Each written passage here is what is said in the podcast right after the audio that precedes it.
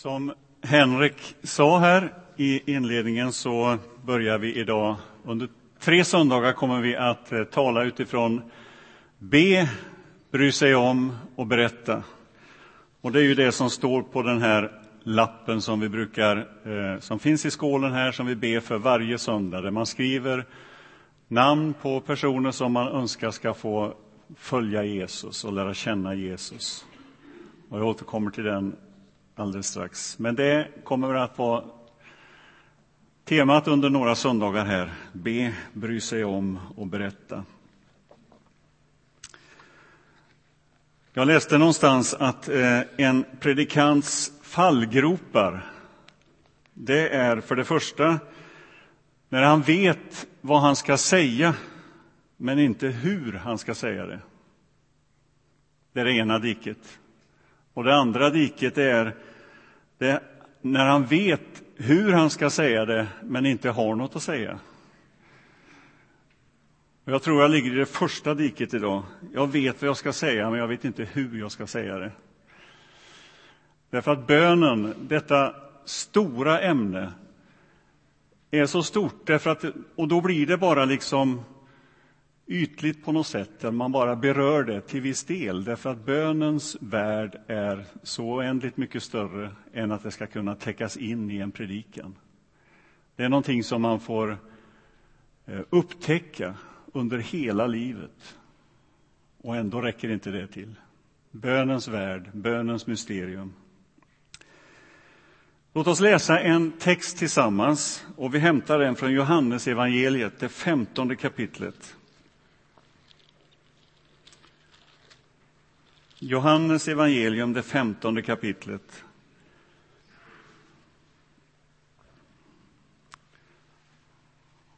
Och den texten ingår i det som kallas för Jesu avskedstal.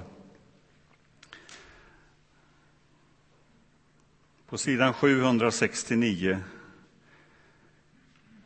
Jag är den sanna vinstocken och min far är vinodlaren. Varje gren i mig som inte bär frukt skär han bort och varje gren som bär frukt ansar han så att den bär mer frukt. Ni är redan ansade genom ordet som jag förkunnat för er. Bli kvar i mig, så blir jag kvar i er. Liksom grenen inte kan bära frukt av sig själv om den inte sitter kvar på vinstocken så kan inte heller ni göra det om ni inte är kvar i mig. Jag är vinstocken, ni är grenarna. Om någon är kvar i mig och jag i honom bär han rik frukt. Utan mig kan ni ingenting göra. Den som inte är kvar i mig blir som grenarna som kastas bort och vissnar. De samlas ihop och läggs på elden och bränns upp.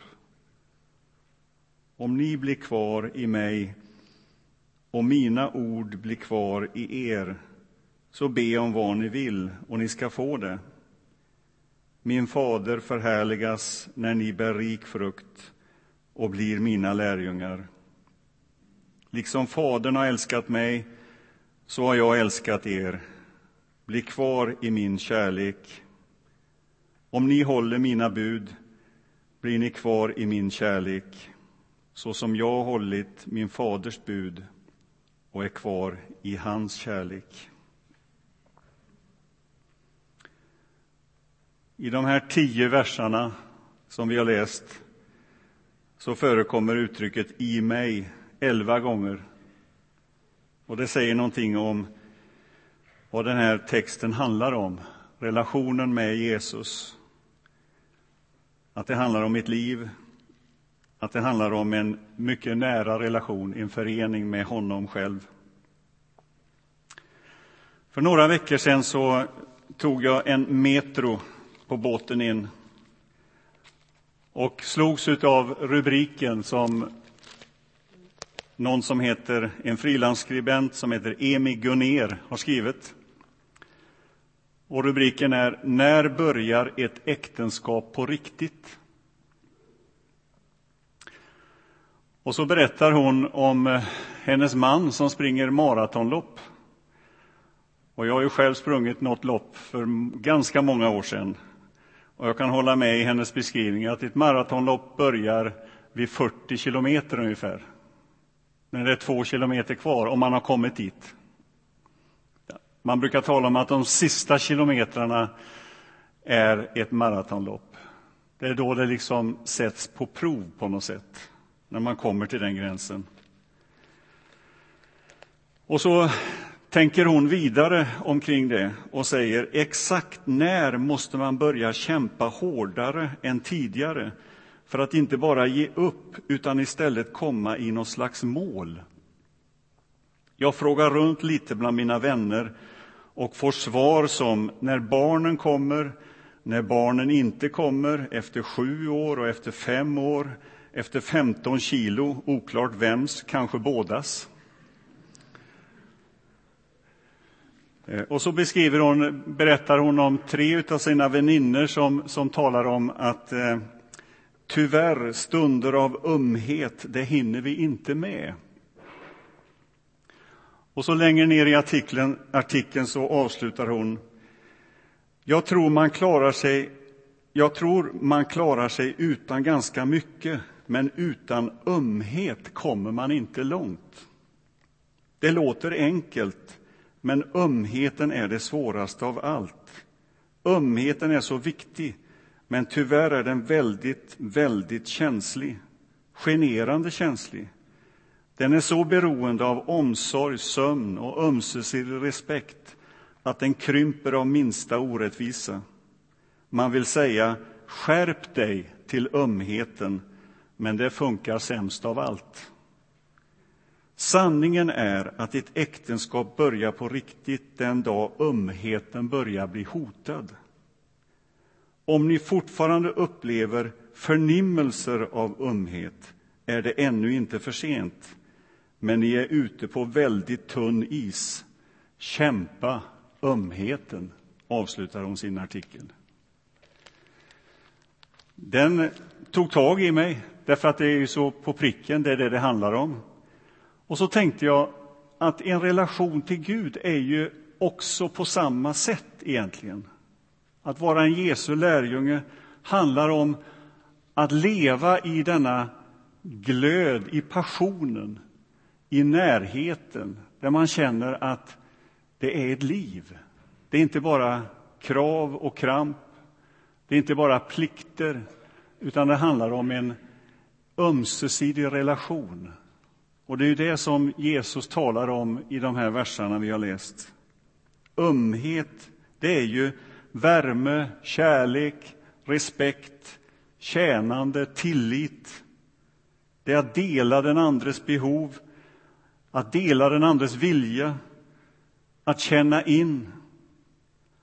När man slår upp det här ordet ömhet så har det ju två betydelser. Dels kan det betyda någonting som gör väldigt ont. Om jag har slagit mig och fått ett sår så är det ömt. Men det kan ju också vara någonting man ger. Man ger ömhet, man ger värme, man ger tillit. Och så är ju också en relation med Jesus. På något sätt så är det både det här att ha ont, att ge ömhet. Det finns ju någon slags växelverkan däremellan. Och det är ju där som lärjungaskapet finns, relationen till Jesus. Bli kvar i kärleken, säger Jesus. Stå där i kärleken. Låt ingenting hota den. Se till så att den hålls levande, att den är brinnande, att, den är, att det finns så att säga en nerv i relationen. Stå i ömheten. När man ska tala om bön, var börjar man då någonstans? Ja, precis så här tror jag att eh, början måste vara. Det handlar om en relation. Det handlar inte om att jag med min fromhet ska beveka Gud, utan det handlar om någonting mycket, mycket djupare och större. Det är så lätt att jag börjar hos mig själv när vi talar om bön. Och då hamnar vi i någon slags syn på och en upptäckt av hur vi misslyckas i bönen. Jag fastnar i detta min brist på bön, i misslyckandet att be.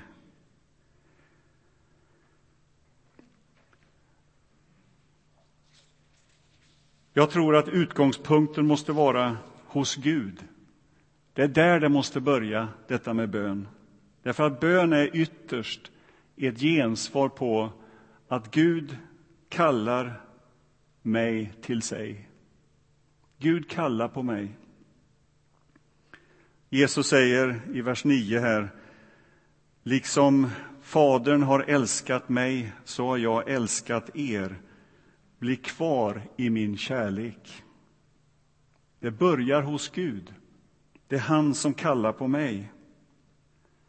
Och han säger, om ni blir kvar i mig och mina ord blir kvar i er, så be om vad ni vill och ni ska få det.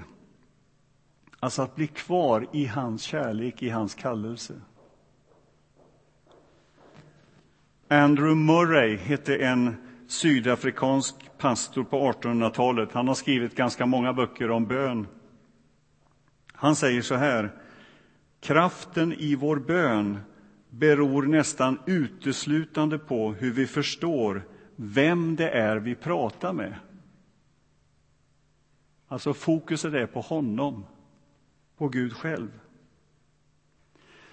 Jag har berättat förut eh, från, för er om bönen och berättat om min erfarenhet och min upptäckt av bönen när jag fick tag i en bok som heter Från bönens värld skriven av den norske prästen Olof Hallesby.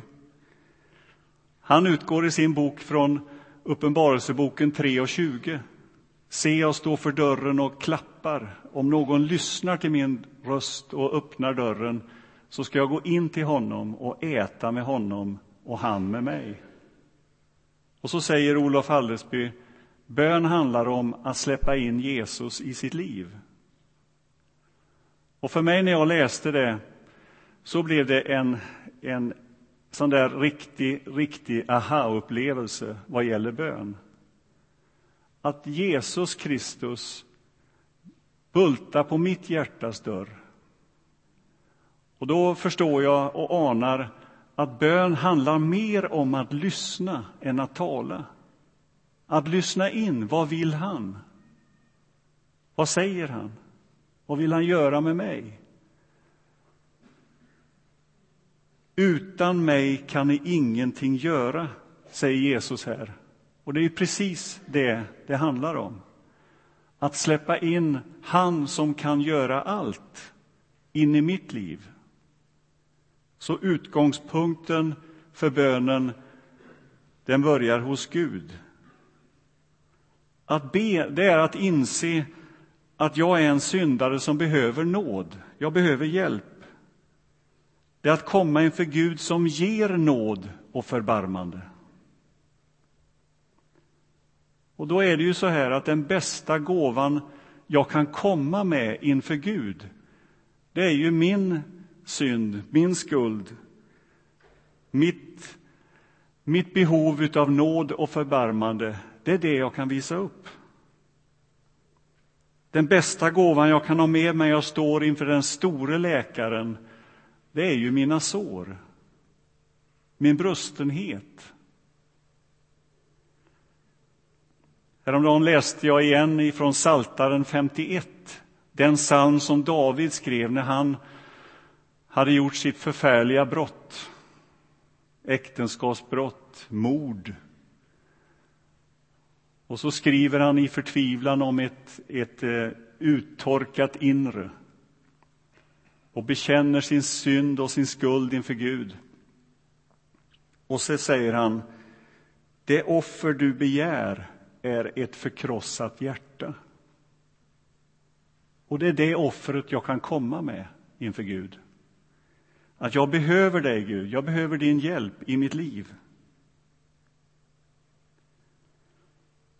Bönens utgångspunkt är Jesu kärlek till mig. Stå kvar i min kärlek. Jesus står inte långt borta från oss, någon enda av oss och har synpunkter på din böneteknik eller på dina formuleringar. Han sätter inte betyg på vår framställan inför honom utan vi kommer inför Jesus som vi är. Vi kommer inför honom som älskar oss så djupt och så stort. Jag tänker på Petrus som vi har påminns om här under påsktiden. Petrus som förnekade Jesus. När han skriver sitt brev, första Petrusbrevet, det femte kapitlet, så säger han Kasta alla era bekymmer på honom, ty han sörjer för er. Det var Petrus erfarenhet. Att komma inför Gud som älskar mig och som vill ge mig nåd och förbarmande.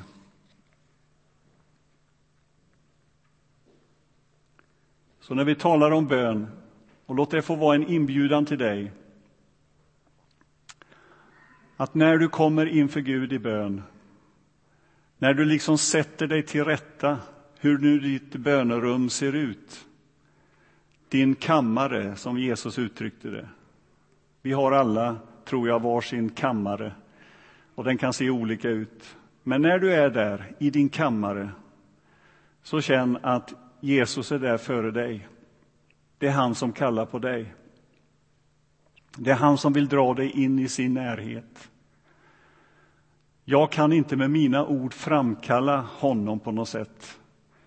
Men jag kan ge ett gensvar genom att säga Jesus, tack att du är här, nära mig just nu.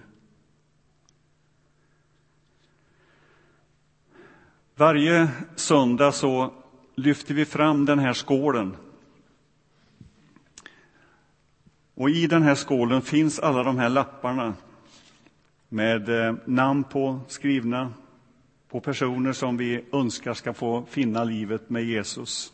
Vi ber för dem och vi liksom lägger det inför Herren. Och vi säger att det handlar om bön, det handlar om att berätta och det handlar om att bry sig om. Och varför gör vi det här? Varför tar vi den här skålen? Varför ber vi för andra människor? Varför överhuvudtaget ägnar vi oss åt förbön för andra? Jo, jag tror att utgångspunkten är den här, att evangeliet gör klart för oss att dess röda tråd handlar om att Gud älskar den här världen. Evangeliet handlar om att Gud har kommit till oss i Jesus Kristus och söker varje människa på denna jorden. Han söker oss personligen. Han vill ha en personlig relation till var och en. Det är utgångspunkten på något sätt. Gud är kärlek och vill vårt bästa. Han vill hela oss, han vill förlåta oss, han vill upprätta oss. Han vill göra oss till det som han har tänkt om oss. Det är utgångspunkten. Och för att detta ska ske så söker Gud på något sätt fästpunkter i den här världen. Och det, detta är ju ett mysterium på ett sätt, att Gud har valt den ordningen att ge sig till känna på den här, i den här världen genom människor som man kallar samman. Församlingen är en sån fästpunkt. Vi är en sån fästpunkt. Och jag personligen, och du personligen, är också en sån fästpunkt. Gud vill låta sin kärlek strömma igenom oss ut till andra människor så att andra människor förstår att de är älskade av Gud. Bli kvar i min kärlek. Då bär ni frukt, säger Jesus. Stå där i den kärleken. Och Det som händer då, när jag ber för andra människor om att de ska få uppleva Guds kärlek i Jesus Kristus, att de ska få lära känna denna kärlek som är så oändlig, så stor, då händer någonting med mitt liv. Därför att då börjar jag se andra människor som Gud ser dem. Och då kan det till och med bli så att när jag ber för någon som är min fiende så blir den plötsligt en annan person. Därför att då ser jag inte bara konflikten eller kivet som har varit, utan jag ser också att den här människan är ju också älskad av Gud. Och min bön blir, låt honom eller henne få upptäcka och se det. Och när jag ber för någon som har problem på olika sätt så ser jag inte problemet i sig, utan jag ser personen som Gud älskar och som Gud vill upprätta och hela. Och det här visade Jesus så tydligt när han vandrade här på jorden. Han stötte inte bort en enda människa som kom till honom. Han botade alla, stod det. Han helade dem. Därmed inte sagt att, att alla som fanns i Israel på den här tiden blev botade, men alla som kom till honom blev det. Därmed inte sagt att all ondska i den här världen har försvunnit när vi ber. Det finns där. Och det är någonting som ingår i, i detta, att det finns en makt, ett motstånd mot Gud som eh, gör massa saker som vi inte tycker om. Men vi vet, inte minst med erfarenhet av påsken, att Jesus Kristus har besegrat allt det onda. Och vi får frimodigt komma till honom, Jesus Kristus, och bära fram oss själva, andra, våra bekymmer, vår glädje, vår sorg till honom. Därför att vi vet att någonting händer i den rörelsen. Någonting sker. Och vi kommer med stor förväntan och öppenhet för honom. Bornhofer skriver så här. Kristus står mellan oss och det är bara genom honom som vi verkligen kan komma i kontakt med vår nästa. Och den bild han beskriver där, det är ju att Jesus Kristus finns närvarande hos varje människa. Och det är genom Jesus jag kan lära känna den människan. Och jag går via Jesus till den människan. Och det är ju helt i linje med den liknelse som Jesus ger, att han är bland de minsta, han är bland de fattiga, de svaga, de som var i fängelse, de som var hungriga. Vad helst ni har gjort mot en av mina minsta, det har ni gjort emot mig, sa Jesus. Så när vi ber för människor så händer någonting med oss. Och då sätts vi in i Guds stora tanke med den här världen. I Guds stora idé med den här världen. Och därför så skulle jag vilja säga det är egentligen väldigt, väldigt farligt att be. Därför att han drar dig med på någonting som du inte kan se slutet på. Det är inte bara att vi lägger en lapp här och sen är det glömt. Vi skriver tre ord till, eller några ord till, bry sig om och berätta. Det är en rörelse som börjar med bönen, men som får konsekvenser. Och det kommer vi att återkomma till framöver. Men redan nu så kan vi säga att vi dras in i hans mission, i hans tanke, i hans kärlek till den här världen. Jag börjar behandla andra utifrån Guds nåd och förbarmande. Och jag ser och förstår att Guds rike är på gång in i den här världen. Och jag får vara en del av det och förmedla hans kärlek till andra människor. När vi om en stund har nattvard här så får du gärna gå och skriva din lapp, om du inte redan har skrivit den. Det finns lappar här nere, det finns pennor. Skriv namn på den som du ska be för. Och bär det med dig. Du tar en lapp, du delar på den, den finns i två upplagor liksom. Och så tar du med den ena skriver namnet på där också och så har du det med dig och ber för det. och tänker in, hur ser Gud på den här människan? Vad vill Gud att jag ska göra för honom, för henne? Och så dras vi med i Guds stora mission och tanke med den här världen. Låt oss be. Tack Gud att du kallar oss till dig. Tack att vi får komma, att vi får svara ja på din kallelse till oss.